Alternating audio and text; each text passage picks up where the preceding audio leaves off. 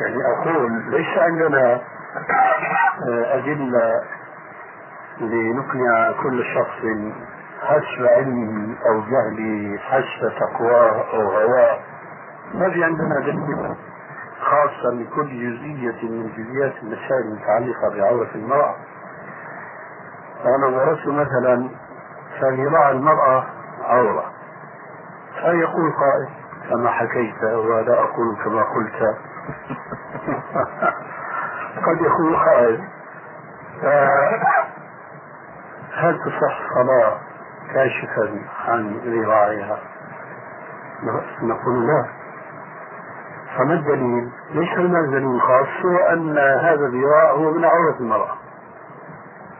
ولا يطمعن أحد أن نأتي له بدليل عن كل جزئية وخاطرة تخطر في بال أي سائل فأقول ظهور باطن قدم المرأة أمر لا يمكن آه، ضمانه عدم ضمانه. ولا يتعرض الشرع لمثل هذه القضية لأنها في حكم المشهور فإن ظهر دون قصد من المرأة ما كان في حكم السوري فليس عليها من بأس إذا القول في عورة المرأة كالقول في عورة الرجل فهو واجب عليه أن يستر عورته كهي تماما. فإذا كان ما بين السرة والركبة من العورة ثم انحسر الإزار بعض الشيء حتى بدأ منه آه، أدنى الفخذ وما فوق الركبة. هذا لا يقال إنه مثلا اثم أو بطلت صلاته لأنه في الأصل كان ساترا للعورة. كذلك تماما يقال بجسم المرأة إذا كانت ساتره لعورتها تماما ثم في أثناء قيامها أو سجودها بدا شيء من باطن قدمها فهذا داخل في عموم قوله تعالى لا يكلف الله نفسا إلا وسعها. سؤال واحد. آخر سؤال. بالنسبة للحصار الثوب عن العورة. هذا السؤال تابع للثوب يعني ليس سؤالا منفصلا. آه يعني هذا ليس له حساب نعم. آه، يعني مثلا إحنا نشاهد في المساجد اللي بيلبس البنطلون هذا والقميص لما لما يسجد ينحسر الثوب عن ظهره. هذا صلاته صحيحة ولا فيها شيء؟ آه، طبعا أنت تقصد ينحسر الثوب ليس عن ظهره وإنما عن عورته. عن عورته نعم. لأن الظهر ليس بعوره الظهر ليس بعوره؟ الظهر ليس بعوره يعني من السرة إلى الركبتين من الأمام فقط؟ لا أمام وخلف لكن ما يساوي السرة من الجهة الاخرى هو ليس ظهرا. الظهر هو لا ليس الظهر دون الظهر. نعم دون الظهر. نعم. نعم. إيه، نعم. وأنا استدرج الآن فأقول إن الظهر ليس بعورة لأن بحثنا في العورة المعروفة التي يجب سترها في الصلاة خارج الصلاة وداخل الصلاة. نعم. وإلا فالظهر عندي عورة خاصة بالصلاة. كالكتفين؟ آه تماما لأنه عليه السلام يقول من كان له إزار ورداء فليرتدي وليتزر. فإن الله أحق أن تزين له. ومن كان عنده ثوب آه، واحد عليه أن يلتحف به حتى يستر القسم الأعلى من بدنه كالأدنى. لكن نحن نتكلم عن العورة بصورة عامة. هذا الشاب مع الأسف هذا يشاهد كثيرا. هذا ليس كالمرأة التي تقوم بالواجب ثم ينكشف شيء كما قلنا من باطن قدميها. هذا الشاب اولا يلبس لباسا ليس شرعيا. فهو يلبس القميص القصير الذي يلتقي أسفله بأعلى سرواله المسمى اليوم البنطلون. فما يكاد ينحني قليلا بالركوع حتى عن السجود إلا حتى يكاد ينكشف الفلقة التي تفلق بين الفخذين فهذا لا يجوز له أن يفعل ذلك. هو في الأصل عليه أن لا يتبنطل. إذا صح التعبير هذا. نعم. وإن كان ولا بد فعليه أن أن يجعل القسم الأعلى من هذا البنطلون بحيث يحيط على قسم أدنى كبير من القميص حتى إذا ما يعني رفع أو سجد لا ينحسر القميص عن عورته من خلفه. ولذلك على الشباب أن يعنوا بهذه الناحية وأن يخلصوا أنفسهم من المخالفات الشرعية. والصلاة صحيحة إذا كان يعني عرف ذلك أنه مبتلى به ثم لا يعالجه فصلاته غير صحيحة. أما إذا وقع له مرة وهو غير منتبه ثم نبه فلا بأس. حتى إذا ما عرف أنه اتخذ ذلك ديدنا ودل ذلك على أنه غير مبال فصلاته في اعتقادي غير صحيحة وإن كان جاهل لا يدري ودائما ينحسر القميص وهو نقول نحن نبه إذا نبه مرة ومرتين ثم لم يتنبه نعم. أي نعم. أما إذا وقع منه ذلك حين ينبه فلا مؤاخذة كما هو في حديث قصة آه، عمرو فيه ابن ابن أبي سلمة لما اما كبار الصحابة وفيهم أبوه إيه، وقالت المرأة بعد أن سلم استروا عنا اسلامكم هذا فما كان عليه من بأس لأنه ما علم لكن يتكرر ذلك من المصلي ثم لا يرعى هذا صلاته باطلة والحالة هذه. حسبكم إن شاء الله. هو السؤال اللطيف طماع آه. آه، فيه عندنا بعض الناس يفتي أن الجهاد في أفغانستان فرض عين على كل فرد واجبا فبالتالي آه، كثير من الشباب يخرج وأبوه طبعا وأمه يبكي يعني يبكيان ونحو ذلك و... فطبعا هذه الفتوى هل آه، لها محل صحيح من سيد السنة؟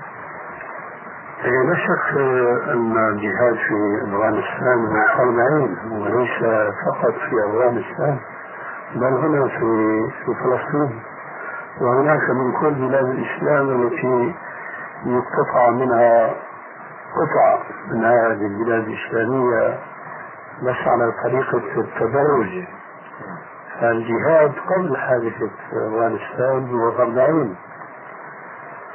إيه، نعم. والمسلمون جميعا آثمون بسبب احتلال اليهود لفلسطين وعدم جهادهم في اليهود. الجهاد الذي آه، نعم آه، يشفى بذلك صدور قوم وليس فقط في أفغانستان. لكن أنا أقول أن هذا الجهاد الذي هو فرض عين ليس فقط في أفغانستان هو يتطلب أمورا كثيرة وكثيرة جدا من الاستعدادات والمقدمات التي يجب تقديمها بين يدي أي جهاد يقوم به المسلمون في حدود قوله تعالى وأعدوا لهم ما استطعتم من قوة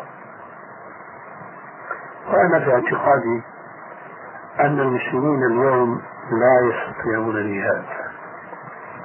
والسبب لأنهم ما أعدوا له عدته.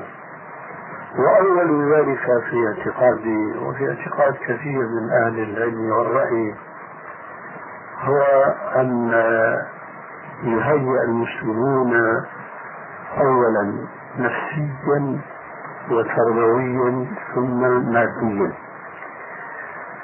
وما شك فيه أن الآية المعروفة وعنده لهم ما استطعتم من قوة ومن رباط الخيل ترهبون به عدو الله وعدوكم وإن كان المتبادر من النص القرآني أن المقصود به الإعداد المادي. لكن باستطاعتنا أن نأخذ من قوله عز وجل قوة ما هو عام من ذلك؟ أي القوة المعنوية الروحية كما يقول اليوم والقوة المادية. وكل باحث في مدارس حينما يدرس حياة الرسول عليه السلام وسيرته وإقامته لدولته في يعلم أنه قضى أكثر من نحو خمسة عشر عاما وهو يربي المسلمين على العقيدة الصحيحة وعلى السلوك السليم حتى هيأهم لأن يدخلوا الجهاد في سبيل الله ونفوسهم طيبة رضية المسلمون اليوم محاطون بمشاكل وبلايا كثيرة وكثيرة جدا. هم مختلفون في كل شيء. هم مختلفون في العقيدة في التوحيد الذي ليس بعد التوحيد شيء أهم منه. فهؤلاء لو استعدوا كل الاستعدادات فليس بإمكانهم أن يجاهدوا في سبيل الله ما داموا أنهم مختلفين هذا الاختلاف. أنهم مختلفون هذا الاختلاف شديد وفي القرآن الكريم نصوص أن الاختلاف والتنازع هو من أسباب الهزيمة والفشل. وهو فينبغي على الذين أقول ليس على المسلمين عامة كما يتوهم بعض الناس حينما يسمعون منا هذا الكلام. يكون المسلمين 900 مليون مسلم لا أريد أن أقول أنه يجب على الذين يريدون أن يجاهدوا حقيقة في سبيل الله أن يعدوا العدة لهذا الجهاد وذلك يتطلب تحضير الفئة التي تكون على قلب رجل واحد كما جاء في وصف أهل الجنة كلهم على قلب رجل واحد عقيدة وعبادة وسلوكا. طبعا لا ينبغي أن يكونوا كذلك متساوين في كل شيء لكن في العقيدة يجب أن يكونوا متساوين ومتفقين تماما. ثم الأخلاق والسلوك يختلف. في الصحابة مثلا كما نعلم من كان يسرق ومن كان يشرب الخمر كأبي لحية المعروف قصته عنده. مع ذلك فهو خرج يجاهد في سبيل الله وهو كان موللا. بعد أن فكت أسره يوجد سعد بن وقاص. مع أنه يشرب الخمر لكنه مؤسس ومهيئ لمثل هذا الجهاد في سبيل الله. لذلك باختصار أقول لا بد من التصفية والتربية. نعود كما نقول دائما. فهذا الجهاد هو فرض لا شك فيه. وكون المسلمين اليوم عاجزين عن هذا الجهاد فذلك لا يسقط عنهم حكم الجهاد وأنه فرض عين.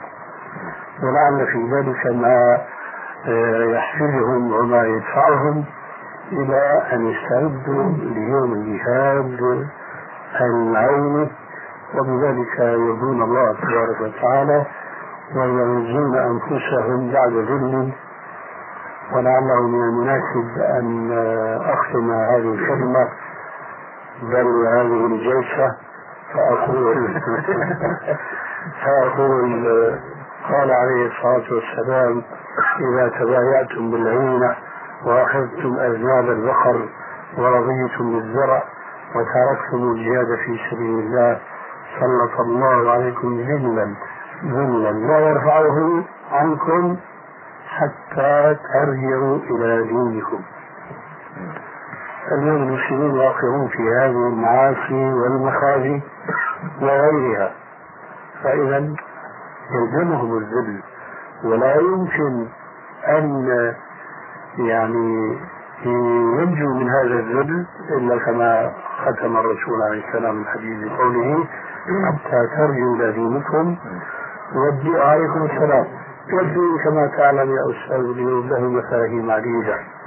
فيجب تصحيح هذه المفاهيم وتربية المسلمين على هذه المفاهيم ويومئذ يفرح المؤمنون بنصر الله والسلام عليكم. لكن لم تجد يا شيخنا على على سؤالي خير إن شاء الله ما في بالعادي وهو وهو الشاب الذي خرج ويعني عق والديه. ما عق لا.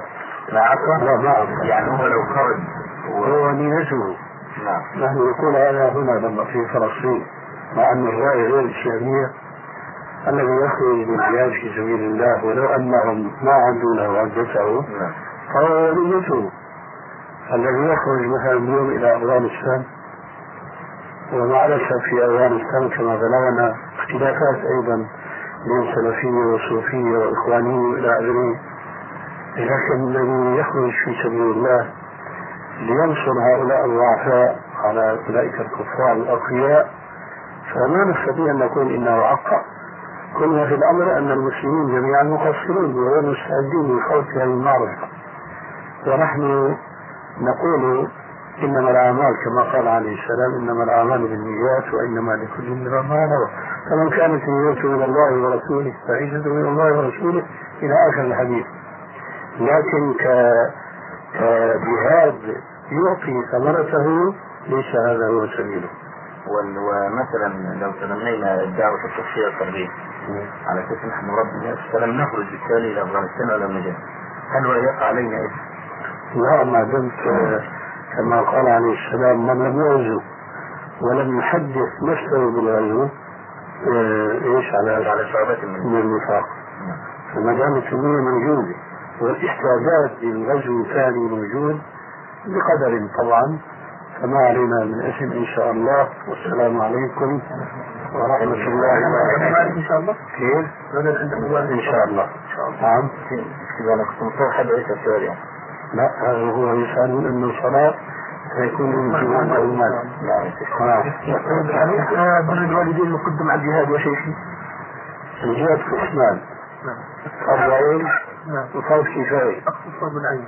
لا مش مقدم. مش مقدم. لا مقدم فرض الليل أما الفرض الكفاية فمقدم بطاعة الوالدين عليه. والسلام عليكم ورحمة الله السلام عليكم. وعليكم السلام. السلام عليكم. وعليكم السلام. كيف اصبحت؟ وبركاته. بخير والحمد لله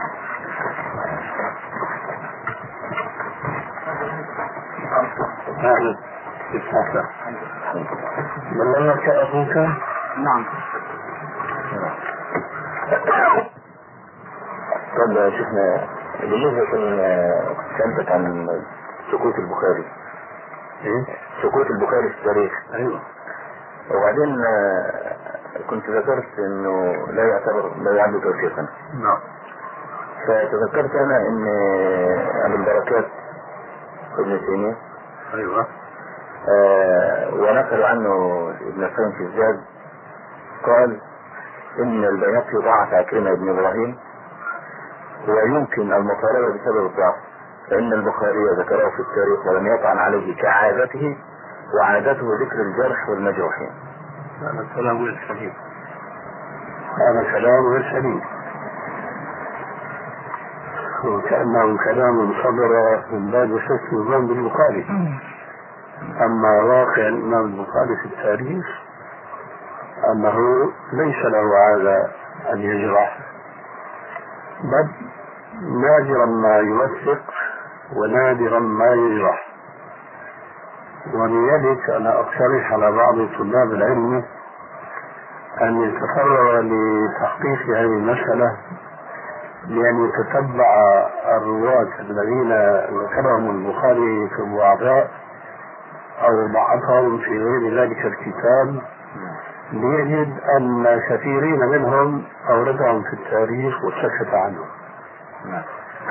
ولذلك فهذا النص من أبي البركات ابن تيمية الحقيقة هو ينبغي أن يكون الحافز على تحقيق هذه المسألة.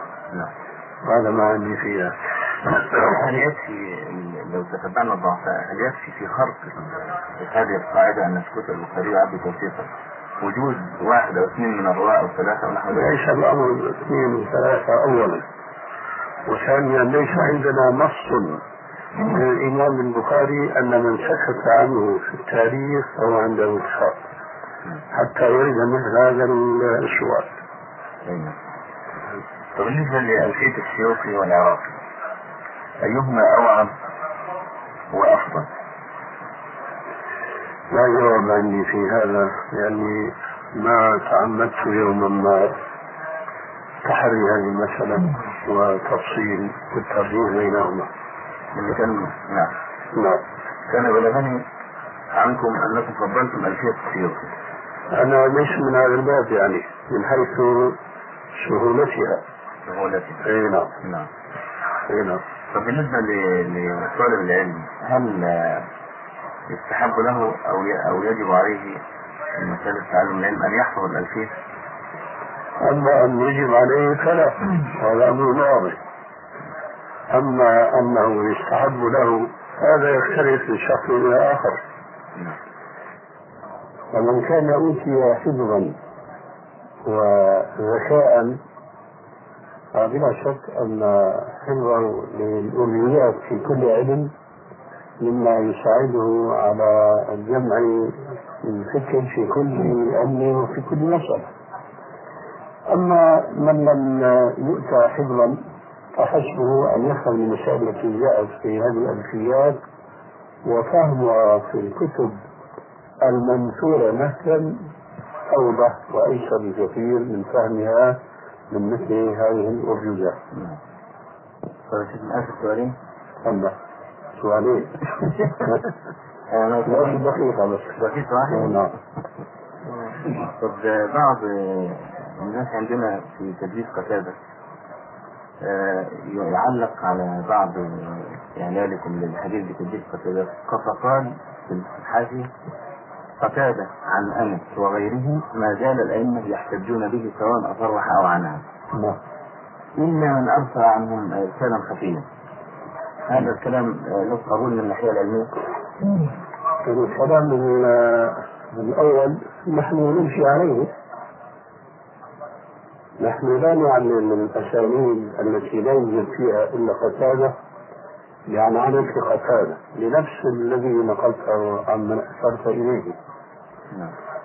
لكن الحقيقة إعلان بعض الأحاديث عن قتادة. يكون لسبب من سببين فيما يحضرني الآن. السبب الأول هو ما يشبه ما جرى بيني وبينك من حديث سابق حول آه، ثبوت سماع ابن سيرين من عمران بن حصين. في صحيح مسلم مع إعلامي لحديث بأنه لم يسمع. فقلت يوم يومئذ بأن إعلامي لعدم سماع ابن سيرين لعمران هو لم يكن اعتمادا عليه لتضعيف ذاك الحديث وإنما كان هناك علل أخرى فذكرت هذه العلة. وذكرت يومئذ فيما أذكر لأنه إذا أريد اعلاء للحديث بعدم سماع ابن سيرين من عنوان الحسين فحين ذاك يحتاج الأمر إلى تحقيق خاص فإما أن آه، يثبت عدم السماع فتبقى العلة قادحة وإما أن يثبت السماع فلا يجوز حينئذ الإعلان نحو هذا يمكن أن يقال في إعلان بعض الروايات عن قتادة حينما يكون هناك علة أخرى في السند. في هذه الحالة ينشط الناقد والباحث ليضع علة أخرى في ذات الإسناد. أما إذا لم يكن ثمة إلا عن عن القتادة هذا هو السبب الأول. والسبب الثاني لم يكن في متن الحديث ما يضطرنا إلى محاولة بل تكلف اكتشاف علة في إسناد هذا الحديث ولا يجد الباحث حين ذاك إلا عن عن قتادة هناك يقول العلة هي هذه العنعنة. أما الأصل والقاعدة فهو تسليك عن عنة قتادة بل نحن نفعل هذا في مثل الأعمش أيضا لأن العلماء فعلوا كذلك لكن لا أعلم أن أحدا من أهل العلم يشدد عن عن قتادة وعن عن وعن عن الأعمش بصورة مضطردة وهذا في الحقيقة مما يجعلنا نؤمن أن القواعد الحديثية هي تماما كالقواعد الفقهية التي يقال فيها مثلا أن الاحتجاج بالدليل العام هو حجة لكن هذا العام قد يكون تخصيص في زمان عام إلى وقد خص هذا حتى هذا قد خص. فالشاهد أن القواعد الحديثية ليست هي جامدة كما يتوهم كثير من المبتدئين في هذا العلم وإنما هي قواعد غالبية.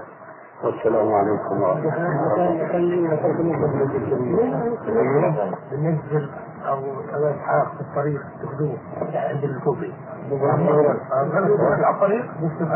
هذا الصراح يقدر همك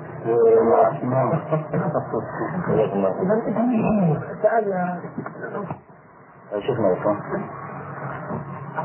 هل تأويل الأحاديث والكلام على عللها يصلح أن يسمى شرحا يعني مثلا قلنا إرواء الغليل شرح منار السبيل لا يصح. لا يصح. عرفا لا يصح. الذي هو ما نسميه باللف والدوران وهو التأويل نعم. تأويل الكلام ويقال شرح علل أحاديث منار السبيل. آه. هذا هذا بعيده متبادل دغري دغري طب وكمان ان إنكم قلتم إن الشيخ محمد أمين الشنقيطي لو وافقكم في مسألة الذهب المحلق لكانت يلتقى الراجح في التوليد هذا صحيح؟ صحيح. ما قلته ولا رأيته ولا في المنام طب رجل جمع تبرعات في أفغانستان. ثم حدثت له ظروف طارئة فاضطر أن يأخذ من ذلك المال ليسد حاجته المؤقتة. هذا جائز لا يجوز. لا يجوز. وكذلك الأمر بالنسبة للزكاة أي لا زكاة مبلغة تحتاج. إيه؟ يعني أخذت زكاة. ثم احتجت لليلة أو ليلتين أخذ مبلغ ثم وضعته بعد ذلك. هل؟ لا يجوز. لأن الإنسان لا يملك نفسه وما يقدر الله عليه. فقد يعجز عن الوفاء وقد يموت قبل الوفاء ونحو ذلك. فيكون أكل حق الفقراء. أي نعم. فلا يجوز. بالنسبة لطالب العلم يحتاج طبعا إلى مراجع وكتب. هل يجوز لي وأنا في واقع الأمر لا أحتاج إلى الزكاة لكن أحتاج إلى مصادر من الكتب هل يجوز لي أن آخذ من أموال الزكاة أستحضر مراجع ونحو ذلك؟ لا يجوز إلا على رأي صديق حسن نعم. فإنه يرى أن التصدق على طلاب العلم ولو كانوا أغنياء يجوز ولو يعتبرهم كالعاملين على الزكاة وهذا أنا أستفيد ولا أراه. نعم وعلى ذلك فلا يجوز. ولو أخذ رجل مالا هل يرده؟ إذا كان هذا يعود إلى بحث سابق وهو؟ إذا كان يوم أخذ أخذ بغير علم وقناعة فعليه أن يرد ذلك.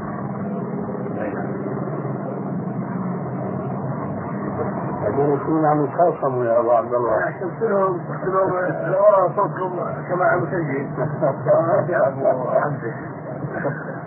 وما في فايدة إلا على طريقة الصوفية يعني أنه الأقرب إلى الشيخ ولو يضم السيارة هذه أوهام يعني نعم خيره طب رجل شيخنا أخذ من أموال الزكوات واعطى الموظفين يعني إحنا عندنا في مصر الموظف ياخذ 40 جنيه مثلا أو 50 هذه في الواقع لا تكفي ايجار المكتب هذا الموظف يجوز له الزكاه بارك الله فيك. يرد القاعدة إن كان غنيا أو فقيرا.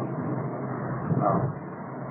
ولو كان هذا الموظف له أب عنده ملايين ال- الأموال لكن لا يعطيه شيئا. هو يعيش تحت كنفه أم منفصلا عنه؟ لا منفصلا عنه. ثانيا نفس القاعدة. نفس القاعدة. أي نعم. بمعنى إن كان فقيرا فكون أبيه غنيا لا يمنعه أن يأخذ حقه من الزكاة. نعم طب هل يجوز بالنسبة للزكاة أن آخذ مثلا 1000 دينار بدلا من أن أعطيها دفعة واحدة ل- للأسرة وأعطيها كل شهر 100 دينار من باب المرتب والإعانة خشيه إن هم ينفقوا ال 1000 دينار ويظلوا طول العام آه، يعني بلا موت هل هذا جائز؟ يجوز بلا شك لكن آه، يخشى أن آه، يكون مانع من عدم تمكنه لتوزيع البخيل باقية من الزكاة. نعم. إذا كان ذلك مضمونا فهذا أولى. الذي يفعل أولى. من التقنين والتنظيم أولى. نعم. للسبب الذي ذكرته آنفا. نعم. طب لو إن شفنا ناس قبل أن يعني يعطي الزكاة آه، لأصحابه هل يحاسب عليها؟ إذا لم يكتب فوصيه. نعم. يأخذ كل ذي حق حقه فيموت آثما وإن كان لا يموت آكلا للمال الحرام الذي لا يجوز له. أي نعم. هذا الجواب يعني أقول إذا لم يوصي في وصيته. نعم. لأنه في حوزة كذا دينار مثلا أو جنيه. هذا من حق الفقراء. فيجب أن يوزع إليهم لأن هذا ليس حقي ولا هو مالي. نعم. إن فعل ذلك لم يأثم إن شاء الله. أما إذا لم يفعل فقد كتم الحق لل لرجل عنده مكتبه ضخمه وعليه ديون فقال إن أنا آه، مت يعني أبيع المكتبه واسدد عن يديه فحدث إنه مات ولم يدع أحد المكتبه واحتفظ بها لأولاده ونحو ذلك ولم يسد عنه دينه هل هو مؤاخذ؟ لا. المؤاخذ الذي لم ينفذ الوصية. أي نعم. لكن إذا تأخروا في بيع المكتبة لمدة شهر أو شهرين هل يعذر الميت بهذا التأخير؟ هو, ليس مسؤولا ولا يعذب لأنه آه، قد آه، عمل واجبه. إنما الذين يعني تأخروا هم الذين يؤاخذون يوم لقاء ربهم. نعم. إن لم يكن لهم في ذلك عذر. نعم. لو شفنا يعني ال- اليوم الأجوبة مختصرة جدا يعني. نعم. كنت يعني على غير العادة في البسط ونحو ذلك. نعم. فيعني إن شاء الله غدا نعوض الجلسة القصيرة هذه. آه، خاف إنه العادة هي خلاف الاتفاقية أنا طبعا في حكمكم يعني. طيب يقولون خير في غيرها؟ خيرها في غيرها إن شاء الله.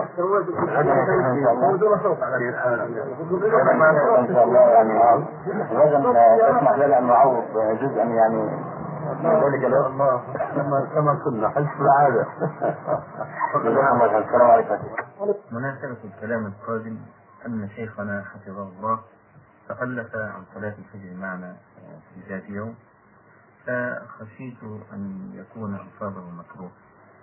فانطلقت مع أخ لي وهو الأخ أبو حمزة إلى بيت الشيخ. وطريقة الشيخ أنه يرد كثيرا من الذين يأتونه البيت على غير ميعاد لظروف أمنية ونحو ذلك. فذهبنا إليه وقد وضعنا في أذهاننا أنه سيقول لنا أرجعوا بل وصل الأمر أن الأخ أبو حمزة قال سنسجل كلمة أرجعوا هذه. تأسيا بابن حبان رحمه الله تعالى. لما كان لما سافر مع شيخ ابن خزيمة رحمه الله في بعض أسفاره فجعل ابن حبان يضايق ابن خزيمة لكثرة الأسئلة. فقال له ابن خزيمة أي أي قال ابن حبان يعني يا بارد تنح عني. فإذا بابن حبان يكتب هذه الكلمة. فقيل له تكتب هذه الكلمة ولا غناء فيها. قال ما أدع كلمة للشيخ إلا كتبتها. فلهذا على هذا الأساس كلمناه من الميكروفون اللي هو على الباب. فالأخ أبو حمزة وضع المسجل أيضا حتى يسجل كلمة الجو ثم فوجئنا يعني صحيح بكرم الشيخ. وقد أحسن ضيافتنا والحمد لله رب العالمين. والجدير بالذكر أن الصوت سيتغير يعني بعد مدة وذلك أن البطارية التي كانت في التسجيل ضعفت فخرج الصوت على هذه الحالة. عليكم. الشيخ مستيقظ؟ قليل الأخ الحويني مع حمزة نعم. قليل بس الحويني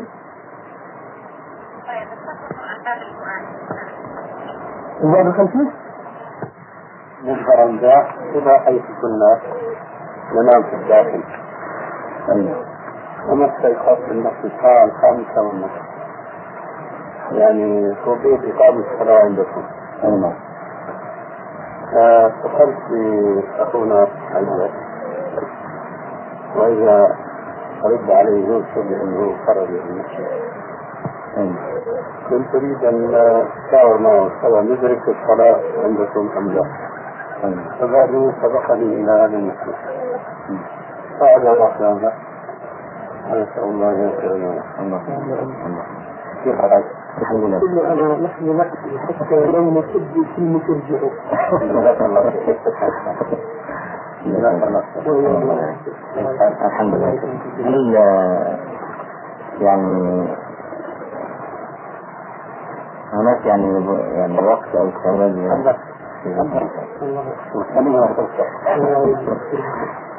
طب ممكن اقترب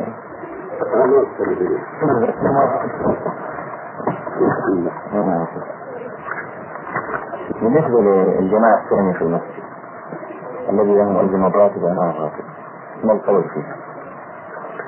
الذي أختاره في تكرار الجماعة في مسجد ليس له إمام راتب ولا مؤذن راتب هو القراءة وعدم الشرعية أي إذا دار الأمر بين عقد هذه الجماعة والصلاة منفردا فالصلاة منفردا هو الأشرع وهو الأفضل. والسبب في هذا يعود إلى أمرين أو أكثر. الأول أن من الثابت في أحاديث كثيرة كما هو معلوم أن النبي صلى الله عليه وسلم كان يحض على صلاة الجماعة ويرهب من إهمالها والتساهل في حضورها ويكفي في ذلك قوله عليه السلام لقد امنت أن أمر رجلا فيصلي بالناس. إلى آخر الحديث فهم الرسول عليه السلام بحرق المتخلفين عن بيوتهم وهم في بيوتهم فهذا دليل على شيئين اثنين. الشيء الأول أن صلاة الجماعة فريضة. كان كالصلاة نفسها. وهذا من ما يدل عليه قوله تبارك تبارك وتعالى. وأقيموا الصلاة وآتوا الزكاة واركعوا مع الراكعين كما شرع ذلك ابن القيم الجوزية في كتابه في الصلاة. والشيء الثاني يؤخذ من هذا الحديث أن الذين يتخلفون يومين عن صلاة الجماعة أنه لم يكن هناك معروفا أن جماعة أخرى مشروعة بإمكانهم فيما إذا تخلفوا عن الأولى وتداركوها بالأخرى أن يكون لهم في ذلك عذر شرعي. لأنه كان بالإمكان أن يقول أولئك المهددون بالتحريق نحن يا رسول الله إن تأخرنا عن هذه الصلاة فلدينا من أيام الشجرات ما فاتنا بالصلاة مع الجماعة الثانية. ولا شك أن هذا ما كان يخطر في بال أحدهم لعلمهم أنه لم يكن في عهد النبي صلى الله عليه وسلم جماعة ثانية تقام وبخاصة في مسجده عليه الصلاة والسلام. ولذلك جاء في مصنف ابن أبي شيبة عن الحسن البصري أن الصحابة كانوا إذا فاتتهم الصلاة مع الجماعة فدخلوا المسجد صلوا فرادا وقد تبنى هذا الأثر الإمام الشافعي في كتابه الأم. دون أن يشير إلى مصدره وإلى أن راويه هو الحسن البصري فقد قال ما نصه أو ما هو قريب من نصه وإذا دخل جماعة المسجد فوجدوا الإمام قد صلى صلوا فرادا وأن صلوا جماعة أجزأتهم ولكني أكره لهم ذلك لأنه لم يكن من عمل السلف. وأمرا قد عرفنا أن جماعة من أصحاب النبي صلى الله عليه وسلم فاتتهم الصلاة مع الجماعة فصلوا فرادا قال الإمام الشافعي تفقها منه وقد كانوا قادرين على أن يجمعوا مرة أخرى ولكنهم لم يفعلوا لأنهم كرهوا أن يجمعوا في المسجد مرتين. فلذاك الحديث ولهذا الأثر كان مذهب جماهير العلماء على ما ذكره الإمام الشافعي في كتاب الأم وبخاصة منهم الحنفية حيث نصوا في متون كتبهم فقالوا وتكره تكرار الجماعة في المساجد. ثم في الشروح والحواشي كما هي عادتهم آه، أوضحوا المقصود من المساجد وأن المراد بها هي المساجد والتي ليس لها إلا مراد المؤذنات والكراهة عند الحنفية إذا أطلقت إنما يقصد بها التحريم. ثم ذكر بعض شراحهم وبخاصة منهم ابن عابدين. آخر فقهائهم ذكر في حاشيته أن من حكمة عدم شرعية الجماعة الثانية أنها تفرق الجماعة الأولى. وهذا أمر مشاهد في كل المساجد التي تتكرر فيها الجماعة لأن هذه الجماعات إنما تقام على حساب الجماعة الأولى. فلو تصور حضور هؤلاء المتخلفين عن الجماعة الأولى في الجماعة الأولى لكان بلا شك عددهم أكثر وأجرهم أكبر. فلما قام في نفوسهم راي مثل هذه الجماعة الثانية فما بعدها قلت الجماعة الجماعة الأولى وقل بالتالي أجرها. ويستدل فيما أظن فيما أذكر الشيخ محمود خطاب السبكي ابن بلدكم في بعض كتبه لعدم شرعية الجماعة الثانية هذه بمحافظة الرسول عليه السلام على وحدة الإمام في صلاة الخوف التي يباح فيها ما لا يباح في صلاة الأمن. فيلاحظ اللاحظ في كل الصلوات التي أو في كل الصفات التي ثبتت عن النبي صلى الله عليه وسلم في صلاة الخوف أنه كان حريصا كل الحرص على المحافظة على وحدة الإمام يقول السبكي وهذا في الخوف فما بالنا في الأمن؟ فكيف يجوز أن يفتات على الإمام الراتب؟ فيتقدم إمام آخر ثاني وثالث فيصلي بالناس ويصلي جماعة الإمام الأول. هذا ما يحضرني في هذه الساعة من الجواب عن هذا السؤال. لكن شفنا بالنسبة لرجل دخل عقد نساء الجماعة الأولى فصلى معه أخوه من نفس الجماعة آه، صلاة آه، يعني جمعه. آه، فهذا مشروع؟ لا يشرع والحديث الذي يريدونه بهذه المناسبة ليس له علاقة بمثل هذه الصورة التي سألت عنها آنفا. ذلك لأن حديث أبي سعيد الخدري الذي يقول أن رجلا دخل المسجد بعد أن صلى الرسول عليه السلام فقال لمن حوله ألا رجل يتصبر على هذا فيصلي معه. فقام رجل وصلى معه. فهذا ليس له علاقة بموضوع البحث قاطبة. وبيان ذلك إيجازا وتفصيلا. أما الإيجاز فبكلمة وهي أن هذه الصلاة ليست هي صلاة الجماعة الثانية.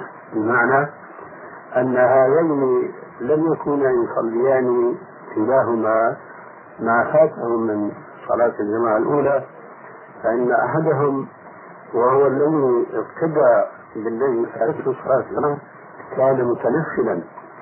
فهذه صلاة صلاة نافلة وليست هي صلاة فريضة.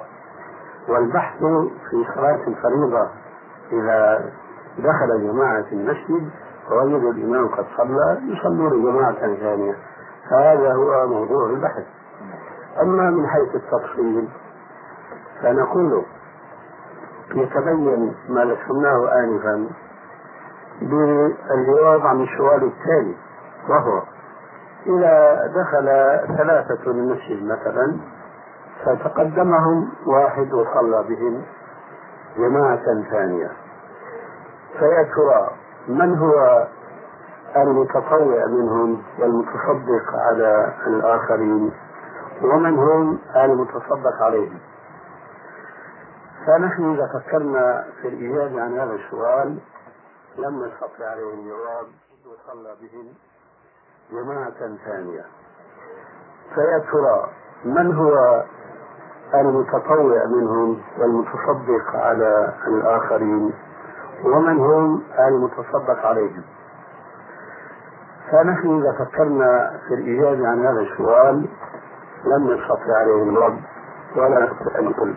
إن كفر على الإمام هما الاثنان. لأن كل من هؤلاء الثلاثة في الحقيقة هو فقير من الناحية المعنوية لأنهم قد فاتتهم الجماعة الأولى. كما فاتت الرجل الذي دخل المسجد والرسول عليه السلام قد صلى فهو فقير لأنه فاته نحو 25 أو 27 درجة من الصلاة. بينما الذي اقتدى خلفه فهو المليء وهو الغني وهو الذي يتصدق على هذا الفقير الذي فاتته صلاة الجماعة الأولى بخلاف الذي يقتدى به. فهذه الصورة لا يمكن أن أراها متمثلة في أي جماعة تقام فريضة جماعة فريضة تقام بعد الجماعة الأولى. لكن رجل هو يعني تأخر عن البعث الأولى قليلا فدخل وجدهم سلموا. فقال لأخيه من الجماعة الغني تصدق علي وصل معي. بخلاف ما لو دخل اثنان ما صليا. أنا سمعتكم قبل ذلك أنكم أجزتم هذه الصورة أن يصلي رجل من الجماعة الأولى وهو الذي يحسن في أن يقال صدق. فهذه الصورة جائزة أما الصورة الممنوعة أن يدخل اثنان من يتصدق على الآخر. وهذا الذي نقول يعني الحديث الذي ذكرنا أن يذكر الحديث أبي سعيد هو مشروع العمل به لا أنه القيام نعم. لأنه آه، لا يجوز تعطيل الحديث من أحاديث الرسول عليه السلام بدون حجة. فإذا هذه الصورة تكررت فله وجوهها ولكن لا من هذه الصورة ليس لها علاقة بموضوع الأول أي أن تتخذ هذه الحادثة دليلا على شرعية الجماعة الثانية والثالثة وكل هذه الجماعات قد إنما هي جماعات صغيرة وليست جماعة نافلة كما هو الشأن في حديث أبي سعيد الخدري فإذا دخل رجل ورأى الناس قد صلى يصلي وحده. فإذا قام رجل من الذين صلوا مع الجماعة الأولى واقتدى به فقد تصدق عليه فعلا. نعم. هذه الصورة هي جائزة. لكن أن يستدل بهذه الحادثة. كشرعية الجماعة الثانية وما وراءها فهذا استدلال خاطئ كما ذكرناه آنفا أنه ليس هناك متصدق ومتصدق عليه.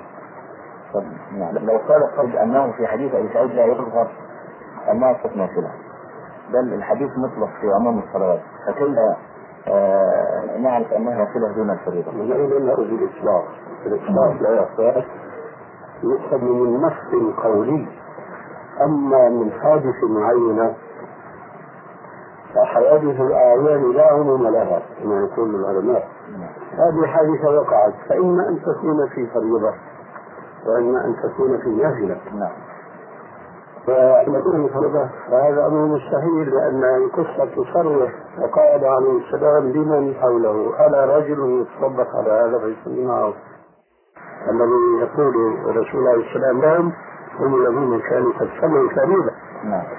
وتعلم آه، قول الرسول صلى الله عليه وسلم لا صلاة في يوم مرتين. يعني على وجه الفريضة. نعم. فإذا الذي اقتدى بهذا الرجل الداخل إنما كان متمثلا ولم يكن مفردا ولذلك الحادثة باختصار هي واقعة عين لا عموم لها.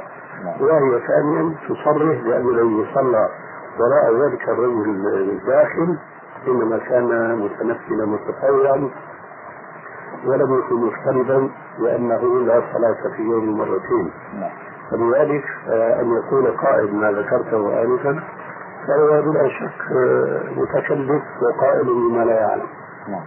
بقيت صورة أخرى في هذا الموضوع وهو أن الأخ أبو ليلى أمس آه، الجابر في صلاة ال- المغرب دخل فوجدنا صلينا.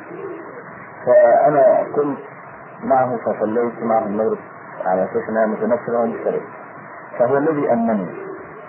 وكذلك نعم. بس اعترض بعض الإخوة وقال ما الدليل على أن المفترض هو الذي يؤم فقلت له هذا هو الأصل. وكذلك لكن مع دليل في نفس الحديث لأن الحديث يقول صلى معه ولم يقل فصلى به. آه. نعم. هذه الزيادة ما آه. نعم. فلذلك آه، الذي يحاول أن يتغير على صوم إن شاء الله. إن شاء الله. نعم. سؤال شيخنا هل اللقيا تقتضي الساعة؟ تقصد يعني مش تقصد السماع يمكن شيء أدق من هو يستلزم السماع. تقصد هذا؟ نعم نعم كذا يستلزم نعم مهما يكن. ما يستلزم لا قد يسمع منه قد لا يسمع. نعم نعم. كنت أخ محمد عمرو. نعم. محمد عمرو صاحبي في الصف هذا مصرح في القصاص إن اللقيا تقتضي السماع اي اي تستلزم إذا هذا الله أعلم سبق قدم فكنت أنا سبق ذيل نعم. فيا شيخنا بالنسبة لقول علماء الحديث هذا الحديث الصحيح يفيد القطع أو يفيد الظن. يعني هذه مسألة في ذهني غير منضبطة. نعم. الحديث الصحيح من حيث إسناده لا يفيد القطع وإنما يفيد الظن الغالب. إلا إن اقترنت به قرائن تقوي من الظن الغالب المستفاد منه ففي هذه الصورة يمكن أن يفيد القطع. أما الأصل في الرواية الصحيحة أنها لا تفيد إلا الظن الغالب. من القرائن مثلا ما يذكره شيخ الإسلام ابن تيمية وبالتالي تلميذه حافظ ابن كثير في اختصار علوم الحديث أن الحديث الذي تلقته الأمة بالقبول فهو ولو كان فردا غريبا لا يفيد في ذاته إلا الظن الغالب فحينما اقترن به عمل الأمة فرفع من قوة هذا الظن وحشره في مصاف ما يفيد اليقين. لأن اتفاق الأمة على شيء هو آه، مما نقطع لأنه يستحيل أن يكون خطأ. أخذا بمثل قوله عليه السلام لا تجتمع أمتي على ضلالة. فإذا كان هناك حديث واتفقت الأمة على قبوله فحين ذاك يكون هذا الحديث مقطوعا به. ولعله هو أو غيره أو هذا من فهمي ما أستطيع التمييز الآن. يعنون بتلقي الأمة بالقبول أن الحديث الذي جاء عن الرسول عليه السلام ولو أن بعض الأمة لم تعمل به تفقها ولكنها لم ترده علميا. فالمهم أن حديثا ما لم تعمل به طائفة ما لعذر ما لديها. فهذا معناه أن الحديث متلقى عندها بالقبول لكن جوابها من الناحية الفقهية كذا وكذا. يعني مثلا حديث آه من لم يقرأ بفاتحة الكتاب فصلاته في ذلك والذي هو أقوى منه لا صلاة لمن لم يقرأ بفاتحة الكتاب. هذا الحديث كل المذاهب أخذت به لكن بعضها أخذت به على أنه يفيد ركنية الفاتحة وبعضهم أخذ به على أنه يفيد وجوبها. فلو أن هذا الحديث كان فيه شيء من الضعف كان مثلا الذين لم يأخذوا بظاهر دلالته تخلصوا منه بقولهم هذا حديث ضعيف. لكن من جميع الذين اختلفوا في دلالة الحديث قد سلموا بصحته لكنهم اختلفوا في فهمه وفي تأويله. فمثل هذا الحديث يقال إن الأمة تلقته بالقبول. أي حديث كان كذلك وكان إسناده مقولا عند علماء الحديث فحين ذاك يكون آه، تتابعهم على التسليم بثبوت هذا الحديث ولو أنهم اختلفوا في العمل به من الناحيه الفقهيه يكون دليلا على أن هذا الحديث ثابت يقينا لا بخصوص إسناده فقط بل بضمير عمل الأمة به. هذا مما كنت فهمته من كلام ابن تيميه وابن كثير وربما غيرهما أيضا. هذا ما عندي. لكن القطع يعني هو يقال قطعي الثبوت مش قطعي الدلالة أيوه يعني القطعية في الثبوت. ثبوت نعم. في ثبوت. والسؤال في ظني في الثبوت. نعم. نعم. تجارة العملة يا شيخنا. يعني مثلا عندنا الدولار بالجنيه أو الدولار بال هل هي جائزة؟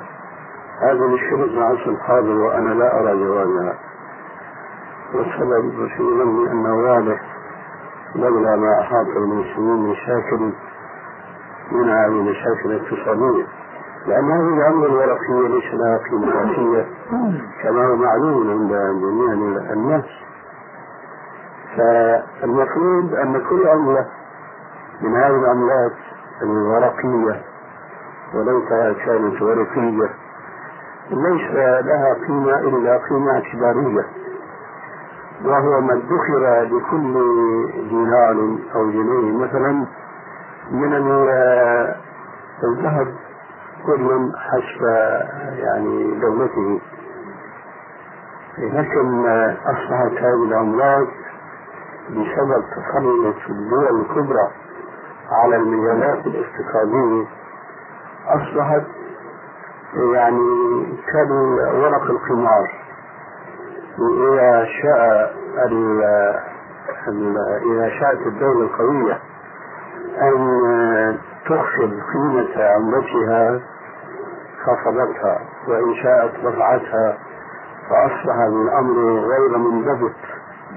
بخلاف ما لو كان الذهب والورق هي العملة الجارية بين الناس فإن هذا خفض وهذا الرفع ليس في استطاع الحكومات لأنها تكون عملة عالمية.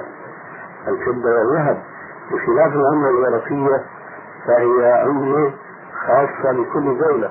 ولذلك تسمعون كما نسمع أن الدولة الفلانية قررت خفض عملتها أو قررت رفع عملتها. ذلك لأنها عملة خاصة بها. وهنا آه، يدخل الاضطراب اقتصادي ليس في تلك الأمة فقط بل وفي الأمم الأخرى التي تتعامل معها فترى الرجل ما بين عشية وضحاها يكون غنيا فإذا به يصبح فقيرا والعكس بالعكس بسبب هذا التلاعب بالعملة الورقية. ولذلك أنا انتهيت من هذه الملاحظة إلى أن المسلم لا ينبغي له أن يتخذ آه، مهنة الصلاة خاص هذه الورقية مهنة له. وإنما المسلم إذا كان عنده عملة أو جاءته عملة لا يملك رفضها لأنها من ماله فهو يصرفها بالعملة التي هو يعتاش أو يعيش بها في بلده من باب الضرورة فقط وليس من باب الربح والتجارة. هذا ما عندي والله أعلم المسألة فيها دقة وفيها خطورة وفي اعتقادي أنه يجب أن يجتمع طائفة من العلماء الذين يعالجون المسائل النازلة على الأمة على ضوء الكتاب والسنة فقط وليس على ضوء المصلحة الزمنية التي يعتبرها بعض المتفقهة في هذا الزمان دليلا شرعيا. نعم. هذا ما عندي. الله. طيب شيخنا بالنسبة للحوم المستوردة نعم. وقد كثر الكلام حولها آه، تحريما وتحليلا. فما رأيكم في المسألة؟ والله رأيي في هذا؟ كما قلت مرارا وتكرارا أن هذه اللحوم إما أن يغلب على ظننا أنها ذبحت ذبحا شرعيا من من تؤكل ذبائحه كاليهود والنصارى. ففي هذه الحالة تجوز وإما أن يغلب على ظننا أنها لم تذبح ذبحا شرعيا في هذه الحالة تحرم وإما أن نظل في حيرة كما شأن كثير من الناس لا يدرون أهي على الوجه الأول أم على الوجه الآخر. فهنا سنقول دع ما يميلك إلى ما لا يميلك فإذا إما حلال وإما حرام وإما الاحتياط هذا في ذلك علما بأنه قد أصبح الإعلان عن اليهود لأنها ذبحت على الطريقة الشرعية معروفا ولجماهير الناس بأنها مهزلة عصرية لأنها إنما يقصد بها تغيير البضاعة. خاصة من أولئك الكفار الذين وصفوا في القرآن بأنهم لا يحرمون ما حرم الله ورسوله ولا يدينون ولا يدينون دين الحق. فقد صاروا يكتبون هذا الإعلان حتى فيما لا حاجة إلى ذكره كالسمك مثلا. ولعل هذا قد يظن أنها نكتة لكنها حقيقة. ثم في هناك يعني؟ حوادث كثيرة وكثيرة جدا تؤكد للمسلم بأن الذبح على الطريقة الشرعية هذه فقط لإقناع المسؤولين في بعض البلاد باستيراد هذه الذبائح.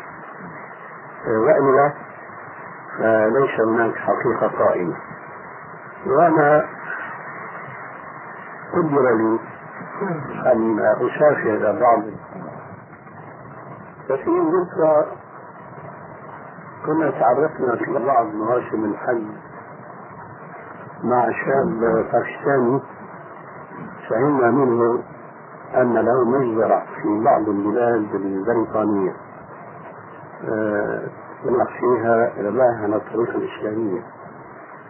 لما قيد لنا أن نسافر بريطانيا وزرنا هذا الأخ في بيته وفي مجزرته الثاني رأيت الذبح هناك على الطريقة الإسلامية لأنه مسلم. فهو يذبح مثلا في هناك جريدة فيها الغنم الذي يريد أن يذبحه. فيقدم رأس بعد رأس إلى اثنين. أحدهما يستلم الرأس فيبدعه والآخر يذبحه وسرعان ما يتعاونان فيعلقانه في كلاب أحسن. ثم بطريقة دقيقة جدا يدفعها دفعا فتمشي في قطار صغير إلى غرفة ثانية. هناك دخلنا الغرفة الثانية وإذا رجل متخصص لسلخ الجلد من هذه اللابة فقط. فيأكل الجلد ويرميه في برميل ثم يدفعه دفعة أخرى نحو ثلاث أمتار إلى شخص ثالث فيشق البطن ويستخرج وبدون تطوير إلى أن يصل إلى القبان والميزان. لا يزيد. يقول الشاهد هنا لأن البريطانيين أصبحوا يقبلون إقبالا شديدا على ذبائحه لأنهم أنها طريقة صحية أكثر من تلك التي تقتل قتلا ولا تذبح ذبحا. فهذا دليل أن أوروبا لولا الإغراء بتصدير ذبائحها ما يعرفون الذبح على الطريقة الإسلامية ولا ما أقبل هؤلاء على ذبيحة المسلم هذا. وفي إسبانيا دخلت سوقا فوجدت هناك بعض المحلات تعرض الدجاج المذبوح زعموا ومعروض في واجهه من بلور مبرد. وإذا بك ترى الرأس مع البدن ليس مفصولا عنه اطلاقا ولا مجروحا. وهذا أنه معناه يخلقونه خنقا وهكذا. فخلاصة القول أن الأمر قد وضح أخيرا أن ما يشاع أن هذه الذبائح ذبحت على الطريقة الإسلامية ما هو إلا اسم لا حقيقة له. وكأنه لذلك فيما بلغني أعلنت الأوقاف هنا بأن الذبائح التي كانت ترد من بلغاريا تبين أنها لا تذبح على الطريقة الإسلامية فقلنا الحمد لله الذي تبين الحق للناس بعد أن كانوا مضللين ولذلك فانا الحمد لله ما اكلت اللحم البغالي اطلاقا إلا ما يوضع ذبحا هنا بلديا وحسبنا ذلك والحمد لله. بقي في هذه المسألة سؤالا السؤال الأول عندنا مثلا في مصر يعني الفقر والغلاء ونحو ذلك فأصبح الدجاج البلدي آه، مثلا بخمسة جنيهات وستة وسبعة. أما الدجاج المبرد بجنيهين أو جنيه ونصف ذلك نعم. فهنا حاجة الناس سيما الرجل صاحب الأولاد كثيرة يقول أنا مضطر أن آكل من هذا الدجاج نعم. فهل آه، دي تعتبر ضرورة شرعية حتى لو ثبت حرمة الدجاج؟ البتة ليست من الضرورة لشديد لأنك تعلم من قوله تعالى حرمت عليكم الميتة والدم إلى أن قال إنما اضطررتم إليه فالضرورة هنا هي التي يتعرض آه، صاحبها للهلاك. أما المقيم في بلد ما كمصر مهما كان فقيرا فلن يتعرض للموت جوعا فإن هناك آه، مآكل أخرى تحفظه من أن يتعرض للهلاك أو للضرورة كما جاء في السؤال نعم فعندهم مثلا من السمك ما شاء الله ما ليس في هذه البلاد مثلا نعم. وإن لم يكن في هذه البلاد سمك آه، طريق كما جاء ذكره في القرآن فيمكن أن يستعيد عنه بالسمك المعلب. ولا يرد فيه ما يرد على اللحم المعلب فإذا كان أكله دائما وأبدا من هذا السمك فكيف يقال بأنه مضطر إلى أن يأكل اللحم؟ نعم. وهناك الزايد مثلا وهو من المغذيات وهناك أناس ما شاء الله من الحلال فالدعاء أنه مضطر يأكل ما حرم الله هذا هذه دعوة باطلة ولا يمكن أن يتصور ذلك إلا من كان في الصحراء وفي البادية يعني هذا إن افترضنا أن اللحم الصادم حرام 100% يعني نعم. لكن إذا اختلط يعني مثلا نحن يأتينا لحم من الصومال وهي تذبح الصومال مثلا بلد مسلمة ويأتينا مثلا من البرازيل ويأتينا من غيرها فأصبح يعني لا أستطيع القطع بأن هذه بالذات ليست من الصومال أو يبقى دخلت في باب الشبهة؟ ذكرنا إحنا مراتب نعم. نعم. الصورة الثانية آه، ورد في جوابكم أنكم قلتم ذبيحة اليهود والنصارى. تحل فهذا يمكن لو أن اليهود والنصارى هم أهل الكتاب الآن. هم أهل الكتاب فعلا. لا شك أن اليهود والنصارى هم أهل الكتاب كأمة نعم. أو كشعب من الشعوب. لكن ذلك لا يعني أن كل فرد من أفراد هذه الشعوب اليهودية أو النصرانية هو يهودي أو نصراني؟ فمع الأسف قد يوجد في بعض الشعوب المسلمة من ليس مسلما من حيث الحكم الشرعي لأنه نبذ الإسلام وراءه ظاهرية لكن ذلك أيضا لا يخرج القوم أو الشعب الذي هو بين ظهرانيهم عن كونهم مسلمين. العبرة كما لا يخفاكم دائما في الغالب. فالغالب مثلا على فرنسا لو فرضنا. على بلجيكا على ألمانيا هو التنصر. أما أنه لا يخلو أن يكون هناك ناس ملاحدة منهم هذا بلا شك أمر واقع. لكن الشعب لا يزال في حكم النصرانية. حتى آه روسيا. التي صار مذهبها علما على إلحادها. لا نستطيع أن نقول بأن الشعب السوفيتي هو ملحد لأنه في الأصل النصراني هو الجيل الذي نشأ بسبب التربية الشيوعية. يمكن أن يقال بأن غالبه ملحد لكن هو لا يمثل الشعب السوفيتي كله لا سيما ومع الأسف الشديد أقول. أن في الشعب السوفيتي أقاليم كلها من المسلمين. لذلك معرفتنا بأنه يوجد في هذه الشعوب اليهودية أو النصرانية من هم من الملاحدة ومن الذين لا دين لهم لا يعني أنه لم يبقى على وجه الأرض يهود أو نصارى. على ذلك يبقى الحكم السابق هو كما ذكرنا. نحن يأتينا إلى بلاد اللحوم التركية هذه تذبح التركية وسمعنا من الإخوة كثيرا بأنكم لا ترون بأسا بأكل اللحوم التركية وهو كذلك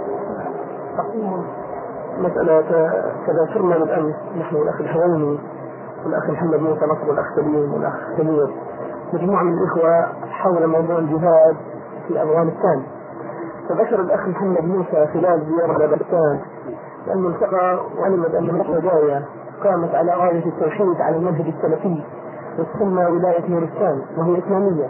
يقومون بها الحدود ولها جيش مستقل ولها ولها وهي ليست مشتركة بالاتحاد المزعوم الذي جعلوه بينهم. فأقول بالنسبة لنا كمسلمين هل يجوز لي أنا أن أذهب وأرد العزة وأنصرف إلى أفغانستان للجهاد في سبيل الله وأنال هذا الشرف العظيم من كان مقتنعا بما قلت فهو كما قلت واضح؟ من كان مقتنعا بأن هناك دولة إسلامية قائمة وهي حرة التصرف وتعمل ما تعمل بواجع من نفسها وبقوتها وقدرتها فمن اقتنع بذلك فواجب ان ينضم إليهم وأن يكون معهم. من باب فرض العين. يكون مع الصادقين نعم. من باب فرض العين. اي نعم. بالنسبة للتسويه والتربية نعم. ودورها في الموضوع. يعني كيف نربطها الآن مع فرضية العين في بلاد أفغانستان؟ إذا علمنا الآن نورستان قائمه نورستان الآن قائمه على هذه الراية.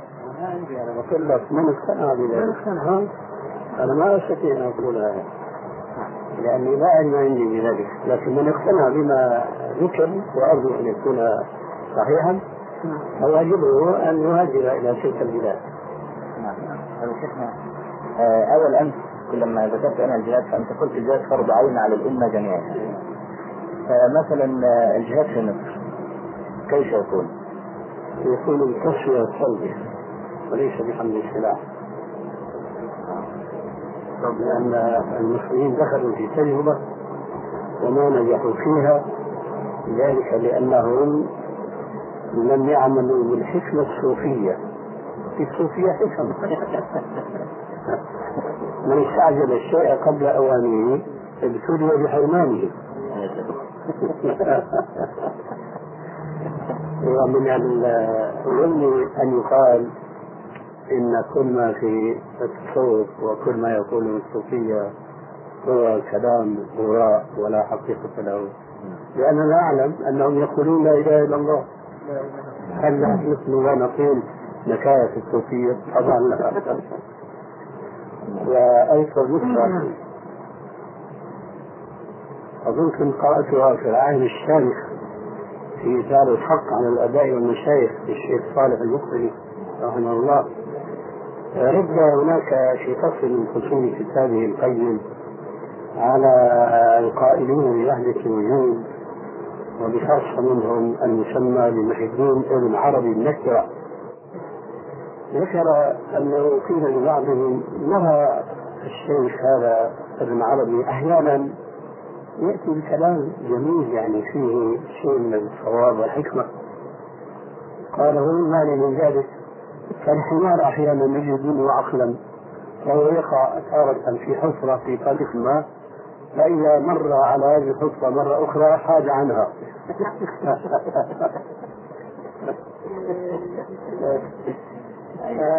الشاهد أنه لابد من الاستعداد لابد من الاستعداد فالذين قاموا بما قاموا به في مصر وفي سوريا هم الحقيقة سبقوا في أمور ولم يحققوا ما يجب على الأقل على الطائفة التي تريد أن تقوم بهذا الواجب من التصفية والتربية. ولذلك مما وقع من بعض الإخوان السوريين الذين جاءوا هنا في نهاية المطاف حينما ضعفوا وحينما تغلب الكفر عليهم وهاجروا إلى هنا.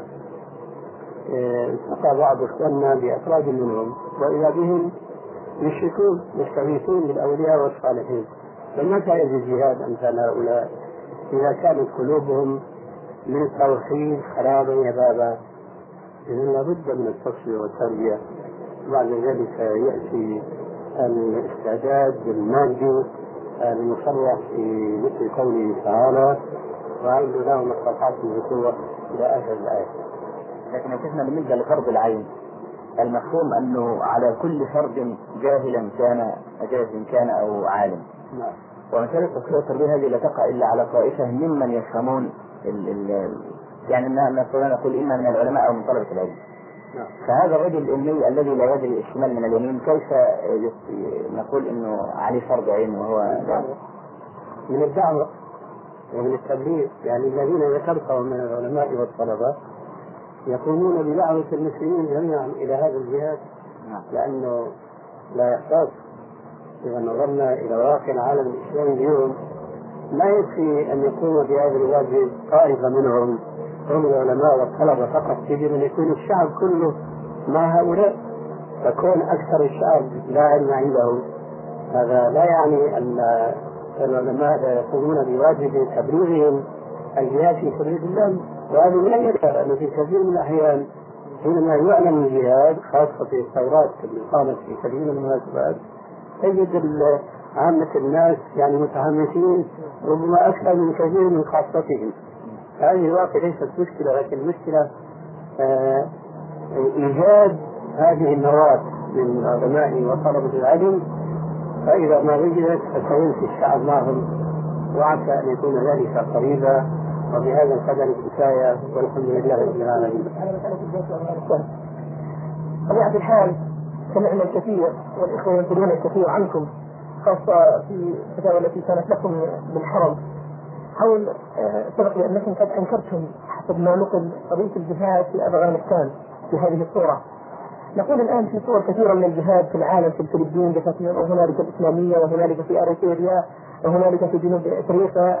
في بقاع الأرض لا تخلو من فئة ظاهرة تكون على الحق ولها منهجية في الجهاد في سبيل الله لرفع الظلم.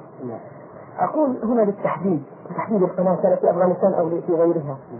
هل آثم إذ أذهب الجهاد تحت هذه الرايات التي كثر أمراؤها وكثرت راياتها بين شرك وخرافة أم الشرط الوحيد للخروج لأي مسلم حين يثبت إليه أن تكون راية توحيد خالصة أنقاذ تحت يجوز الجهاد فيها؟ لأن فيها خلاف إذا كان المقصود بأيض الحياة فيشترط فيها أن تكون هذه الراية إسلامية 100% وإذا كان المقصود هو مساعدة المظلومين من المسلمين مهما كانت توجيهاتهم ومهما كان فقههم وعلمهم فهو يجب أيضا. ونحن حينما نتكلم تفصيليا في الموضوع إنما نعني الجهاد المثمر الذي يرد الظالم على عقبيه. كروسيا مثلا والتي وأمريكا وإن كانوا يتظاهرون بالتعادي بينهما فهما دولتان متفقتان على القضاء على المسلمين ما استطاعوا إلى ذلك سبيلا. فلرد اعتداء مثل هذه الدول الكبرى لا يكفي. أيوه. لا يكفي أن يكون طائفة من صغيرة. فلا بد من أن ننهض العالم الإسلامي لرد إذا خلاصه القول الجهاد في افغانستان تحت أي رايه يا جدا فرض عين نقول لكن يجب الاستعداد الاستعداد الكامل لنحضر الثمره ولا نصاب بالهزيمه التي يؤمنون بها في السبيل. بالنسبة لدار الحرب. ما هي مواصفات دار الحرب؟ هذه مشكلة الساعة. لا أعلم شيئا واضحا نستطيع أن نحدد به دار الحرب. لكن الذي أعتقده أن أي منطقة أو إقليم يغلب عليه أن سكانه مسلمون فهي دار الإسلام و عليكم السلام ورحمة جزاك الله خير والبلاد التي يسكنها الكفار ولا يظللها راية الإسلام فهي دار حرب ولا شك. ثم قد تحيط ملامسات خاصة بكل من الدارين وتصبح القضية كالماء المشكوك في طهارته. وأنا ليس عندي جواب حاسم في هذا النوع من الدور. يعني مثلا العبرة بالأحكام تعلو؟ ولا الغالبية من الناس؟ سكان المسلمين لأن الأحكام قد تتعطل لسبب أو أكثر. نعم. وإنما المهم أن السكان هم المسلمون.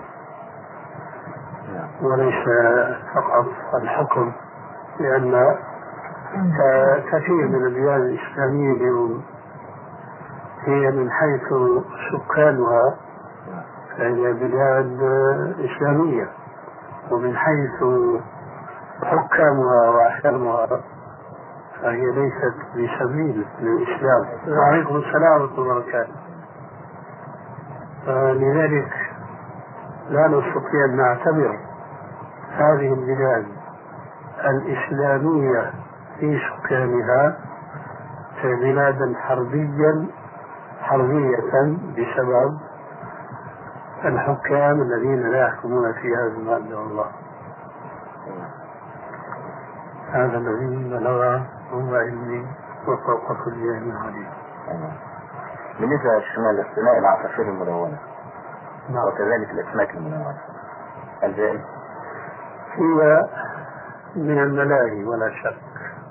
فإذا لم تشغل صاحبها عن طاعة الله وعن القيام بواجب من الواجبات القائم عليه سواء كانت واجبات دينية أو اجتماعية أو عائلية فهي مما يدخل في عموم قوله تعالى قل من حرم زينة الله التي أخرج لعباده والطيبات من الرزق قل هي للذين آمنوا في الحياة الدنيا خالصة يوم القيامة. ويمكن آه، أن نورد بهذه المناسبة حديث أنس بن مالك لما مات نوير أخ له صغير فدعمه عليه الصلاة والسلام بقوله يا أبا عمير ما فعل النوير؟ وقد استنبط العلماء من هذا الحديث مسائل كثيرة ومنها أنه يجوز حبس طير في القفص وإذا ثبت هذا فلا فرق حين ذلك في النظر الصحيح بين حبس طير واحد أو طيور كثيرة في قفص واحد. كما أنه لا فرق بين حبس الطيور في قفص واحد أو في أقفاص عديدة ما دام أن ذلك لا يشغل عن طاعة وعبادة. طب هل يجوز للفلكي أن ينضم إلى صفوف الإخوان للعمل من خلاله مع مخالفات الإخوان في أمور كثيرة يرونها دقيقة وتكون من الواجبات. عفوا ما استوعبت السؤال. ما الجملة الأخيرة ما إيه؟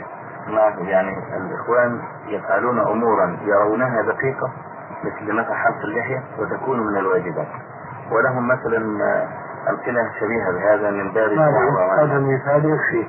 نعم. إيه السلفي هل يجوز له أن ينضم للعمل؟ ويحلف لحيته؟ لا. مم. لكن إذا أنكر المنكر أو نحو ذلك ما يستطيع العمل. فهل يجوز له أن يسكت من باب الدعوة ونحو ذلك؟ الدعوة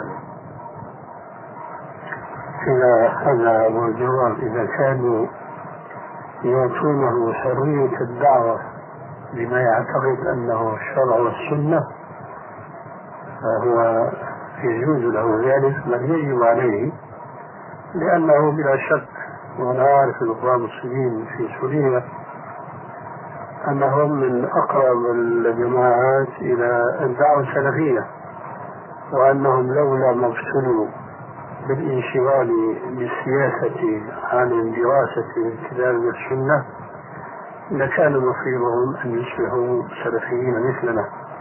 فإذا أتيحت لأحد منا الفرصة بأن يدعو إلى الدعوة السلفية في صفوف الإخوان المسلمين فلا أرى من ذلك مانعا بل أقول يجب عليه أن يغتنم هذه الفرصة لكن بالشرط السابق أن لا يتابعهم ولا يناصرهم فيما يرونهم يرونهم من الأساليب التي تخالف دعوتنا. هذا هو رأيي. في كتاب جبل العلم للشيخ الإسلام الذهبي تحدث عن شيخ الإسلام ابن تيمية بكلام شديد. سبب ذلك مع كون مدح الذهبي ابن تيمية يكاد يكون متوسع أعتقد إذا ثبتت نسبة الرسالة إلى الذهبي أن لا يزال هناك كلام في ثبوت هذه الرسالة أنها للذهبي فإذا ثبتت الرسالة نسبتها إلى الذهبي فأعتقد أن ذاك من ضغط الجمهور ومن محاولة تلطيف هذا الضغط عن كتفي الذهبي فيضطر إلى أن يقول مثل هذا الكلام من باب الضرورات والمعذورات بالنسبة إليه. ولا شك أن من يعرف الإمام الذهبي ويعرف علمه ونقده للحديث وللرجال فهو لا يشك بأن شيخ الإسلام ابن تيمية عنده من أساطين العلماء والدعاة في الكتاب والسنة.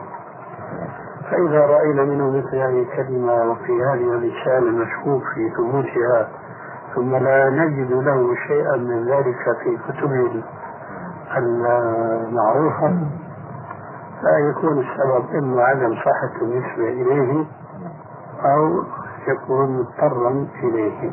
نعم. نعم. فكان نصيحة أيضا. آه، هل ده مشكوك في نسبة صحة الذهبي؟ فيها كلام أشد وأقدح يعني مش فاهم الآن طب بالنسبة لامرأة تنجب كل عام هل يجوز لها الاستعانة بما يسمى الآن بالأولى أو نحو ذلك لتطويل الفترة ما بين الولدين؟ ولماذا؟ يعني يقولون هذا أجدى بالنسبة للتربية وصحة الأم ونحو ذلك لا يجوز يوجد لسببين اثنين السبب الأول أن تركيب اللولم يقتضي كشف عن العورة ولو بالنسبة لطبيبة. والكشف عن العورة حرام لا يجوز إلا لضرورة فإذا لم يكن هناك ضرورة إلا هذه الفلسفة العصرية فذلك مما لا يساوي لها أن تكشف عن عورتها أمام طبيبة. وقد يوصف لها آه، وسيلة أخرى لا تستلزم الكشف عن عورتها. فحين ذاك نقول بكراهة هذا العمل بما فيه من تقليل آه، أمة الرسول عليه السلام الذين يفاخر بكثرة عددهم الأنبياء يوم القيامة كما صرح بذلك عليه الصلاة والسلام في الحديث المعروف. ألا وهو قوله تزوجوا الوليد الودود فإني مباين بكم الأمم يوم القيامة. هذا بخلاف آلي القول بالكراهة بخلاف ما لو كانت داخلة على تحديد نفسها أو بالتعبير الآخر العصري تنظيم نفسها هو عقيدة تتنافى مع القضاء والقدر مثلا خشية الفقر ونحو ذلك مما كان دافعا لأهل الجاهلية على أن يأجروا البنات في التراب وأذى عرض لكشف العورة. نعم. أنت قلت شيء واحد. أنت قلت لسببين اثنين. فذكرت أظن سبب واحد والثاني ما ذكرت. أنت قلت لا يجوز السببين. أخذت سببين ذكرت السبب. أظن. أسمعني الكلام